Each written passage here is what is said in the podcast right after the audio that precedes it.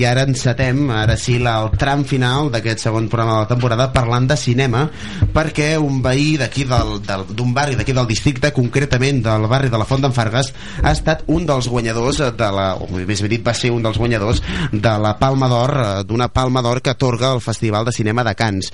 Concretament estem parlant d'en Juanjo Jiménez, que amb el seu curtmetratge Timecode va guanyar aquest guardó a, eh, a la millor categoria de millor eh, curtmetratge.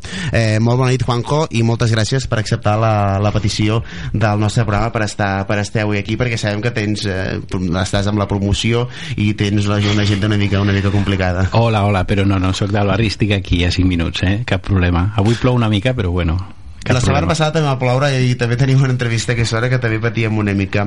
Uh, ens rememorem el dia en què et van, en què et van donar la, la Palma d'Or. Uh, recordes el moment en què et van proclamar el jurat uh, guanyador d'aquesta Palma d'Or a millor curt del Festival de Cants? Home, sí, és difícil d'oblidar. No m'han passat moltes vegades coses així. La veritat és que és un dia que, que sembla que no s'esborrarà.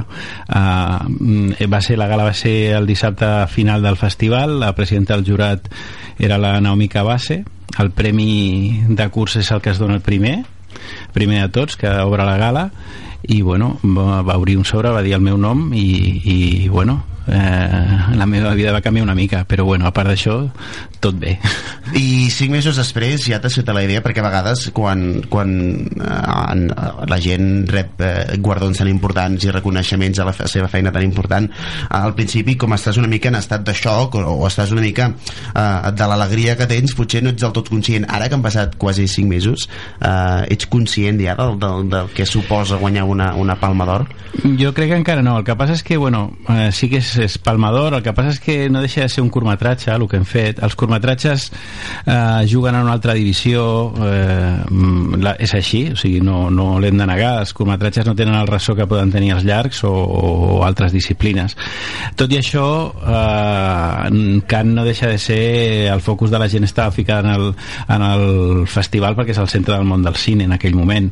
I sí que és cert que, que la setmana següent o dues setmanes eh, em van marejar molt els mitjans i crec que és normal perquè aquí a Espanya no, no, no hi havia un guanyador de Palma d'Or des de Buñuel als anys, a l'any 60 llavors ho entenc. El que passa és que home, ara s'ha paivagat una mica de, de, el primer mes sí encara dura, eh? em feu entrevistes aquí això està bé però la veritat és que jo faig ara una vida normal i estic intentant sobretot aixecar el, el següent projecte que és, eh, que és l'important ara per mi i recordem que divendres passat es va projectar el teu curt al Casal de la Font d'en Fargues. Què representa això per, per tu?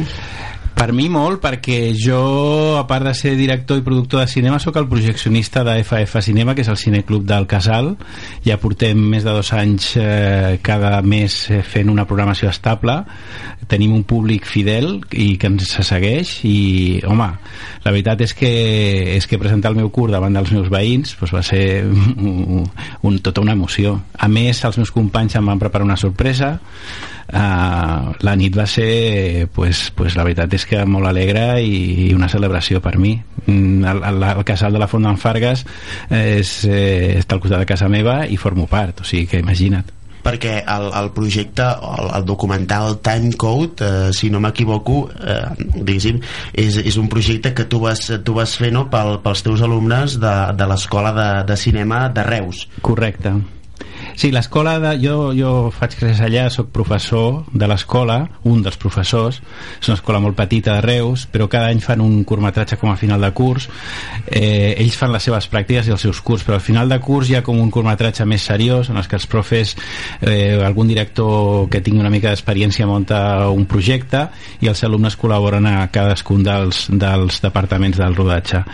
Aquest és el projecte de l'any passat, eh, algun, fins i tot algun dels estudiants estudiants eh, té un petit paper a la peli o sigui que és un, és un projecte és de la meva productora però en el que està involucrat l'escola de Reus sí, és una escola molt petita bueno, però, però petita però veiem que, que hi ha talent home, estan molt contents ara la veritat és que de curs se'n fan vosaltres ho sabeu, se'n fan ara milers eh? perquè qualsevol amb la seva càmera al seu telèfon pot fer un curt eh? després hi ha curs més ambiciosos menys ambiciosos i de 50.000 disciplines però per exemple Can va rebre més de 5.000 o sigui, imagina't està seleccionat. I una vegada seleccionat imagina't guanyar.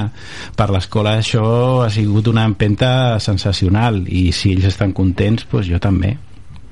I si parlem de l'argument del teu curt, com va sorgir la idea de fer un curs sobre dos vigilants de, de seguretat d'un aparcament?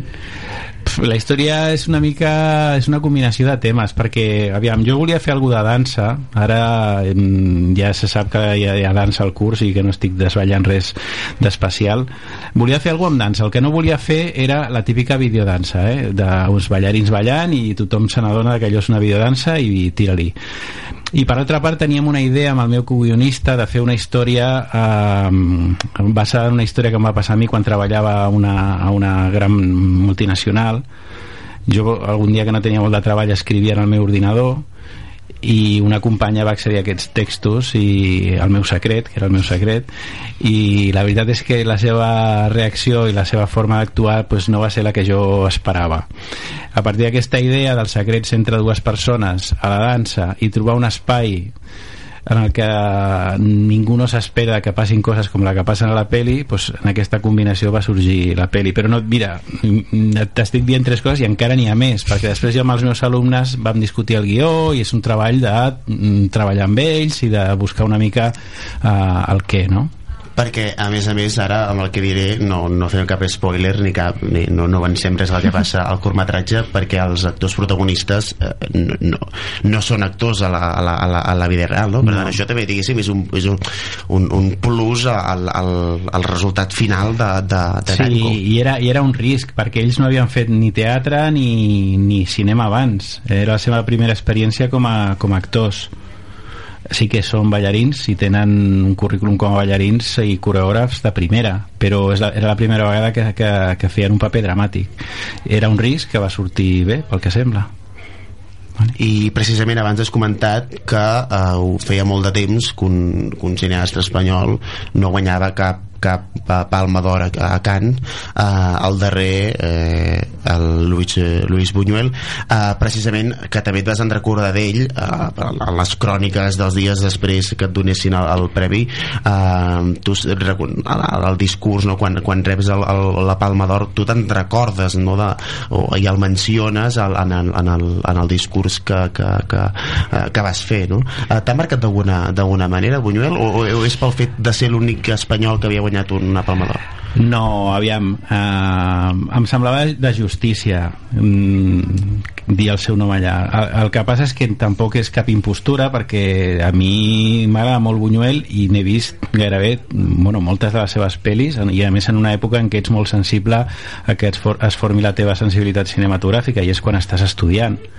Eh, me recordo que va haver-hi un, un cicle a la Filmoteca que passaven gairebé totes les seves pel·lis, incloses algunes molt difícils de veure, eh, mexicanes o de l'època de, la, bueno, de la primera època o quan va intentar fer pel·lis a Hollywood o sigui que mm, em vaig interessar molt i moltes de les seves pel·lis m'agraden molt i algunes són de les que m'han marcat. O sigui que no estava dient res eh, impostat ni inventat. A mi, mm, home, n'hi ha molts cineastes que considero que m'han marcat però clar, amb aquesta idea de, de lo que significa Buñuel i després està allà a Can que, que és el, una mica eh, la referència del, del món i, i, i sabent que ell era l'últim i únic eh, director guanyador de la Palma d'Or em semblava de justícia dir el seu nom o d'alguna manera mencionar-lo no? perquè molt ràpid no, el, el, els noms eh, has mencionat ara que vas dir que hi ha molts cineastes que, que t'han marcat ens podries dir alguns? Buf mm, home Mm, depèn, jo soc, ja et dic, molt, soc molt sensible en el moment de que tens allò entre 18 i 20 i, i 20 i pocs, que és quan jo vaig decidir intentar fer cinema, i hi ha unes pel·lis que vaig veure en aquesta època que, que sí que em van donar una mica l'última empenta per dir, vinga, prova. Me recordo molt, per exemple, de Coppola, de vaig veure Rumblefish i em va marcar molt. La vaig veure com 5 o 6 vegades, fins i tot vaig convidar companys i col·legues de l'època a la que la veiessin i, i cap d'ells eh, es, semblava tan afectat com jo per aquesta aquesta pel·li, me'n recordo molt d'aquesta pel·li, no? Eh, em venen al cap, jo que sé, pel·lis eh, italianes, Berman, eh, moltes pel·lis europees que vaig veure en aquesta època que em van, em van fer una mica decidir apuntar-me a una escola de cine o intentar fer els primers curs. I n'hi ha molts més, eh? Però bueno i precisament que parlaven del discurs i tot això, quan vas eh, guanyar el guardó també vas dir que el Festival de Canes us tractava com el que éreu, cineastes. Això vol dir que aquí no us tracten així?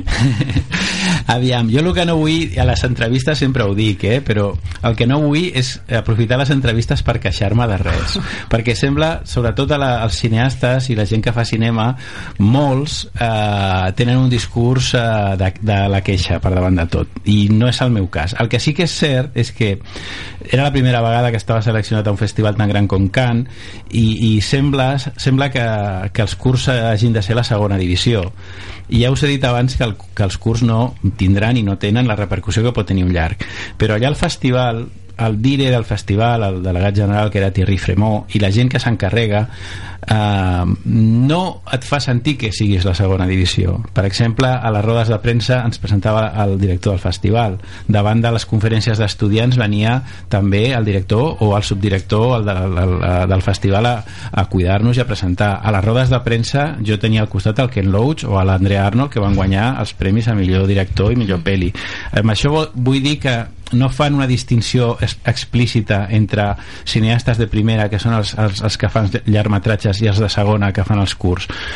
No, eh? aquesta, aquesta divisió eh, no hi és. Llavors per això vaig dir aquesta, aquesta frase eh, i també ho dic perquè aquí a casa nostra de vegades passa eh? i també ho vaig dir que hi ha un festival molt gran que és el de Sant Sebastià i que no té, no té competició de curs o el festival de Màlaga que l'entrega de premis de curs la fa pel matí i la gran la fa per la tarda. O sigui, aquest tipus de detalls eh, marquen, en canvi a Can això no passa perquè eh, ja eh, les, eh, les dues darreres preguntes molt ràpides. Tu parles que el present i el futur del cinema són els curts.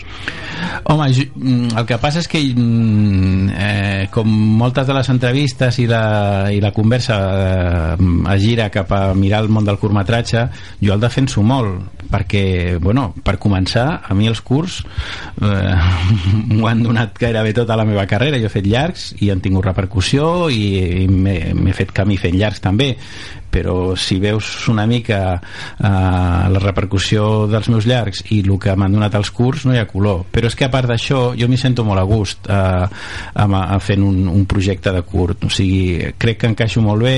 La pressió que hi ha fent un curt és relativa perquè no t'hi deixes la vida financera allà i no hi ha, no hi ha aquesta pressió. Després pots provar coses que en el llarg no, no pots.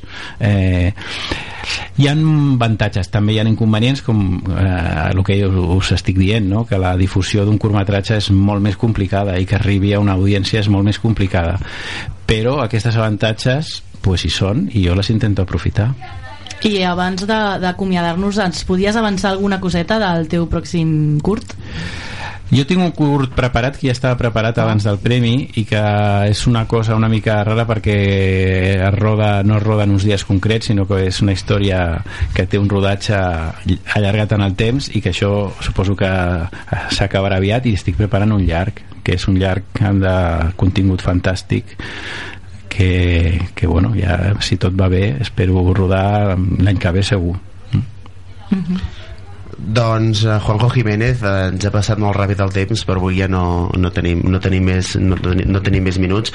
Moltes gràcies, moltíssimes gràcies per estar avui aquí amb, amb nosaltres aquí al districte 7 de, de 7 de ràdio, molta sort amb el que queda de promoció de Time Code i amb els projectes que presentaràs de cara al futur.